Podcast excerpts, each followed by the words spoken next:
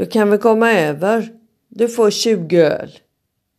Nej men kom igen, kom över. Det är gratis. Jag hör samtalet på busshållplatsen mellan grabbarna som sitter och dricker öl. Välkommen till podcast Ebis vilja. Roligt att just du lyssnar. Ja, samtalet på busshållplatsen. Jag ser er och ni sitter där och dricker öl och ringer och bjuder in en fjärde person. Och jag tänker på vad är det som gör egentligen att ni sitter här? Hur har era liv sett ut? Vad är historien bakom? Jag är på väg att gå fram till er.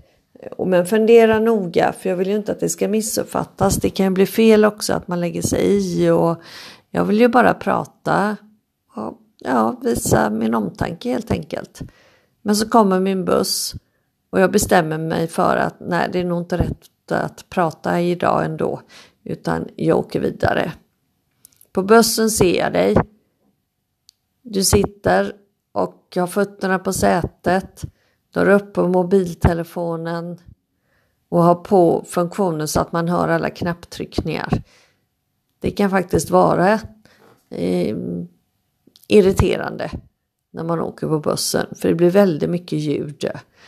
Även om man inte är ljudkänslig så att om alla pratar i sina mobiltelefoner och alla har sina eh, knappfunktion på så eh, blir det ett väldigt oväsen tycker jag i alla fall. Så jag går fram till dig och frågar om du kan hjälpa mig att sänka lite på din telefon. Alltså du hjälper ju mig genom att sänka volymen. Nej, det vägrar du göra. Men jag tänker, jag tar inte den striden utan jag går och sätter mig igen. Och jag funderar på, vad har hänt i ditt liv egentligen?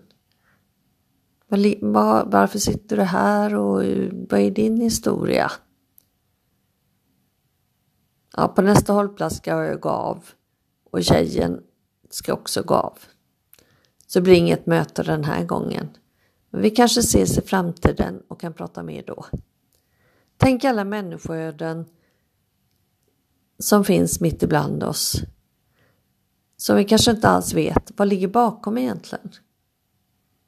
Att se människan. Och människor som far illa, får ni det stödet ni behöver? Finns det resurser att ta hand om er? Jag hoppas verkligen det, även om jag vet att det inte är så. Jag vet inte varför det har blivit lite kyligt och kallt i samhället. Det finns medmänsklighet, men det har också blivit tuffare.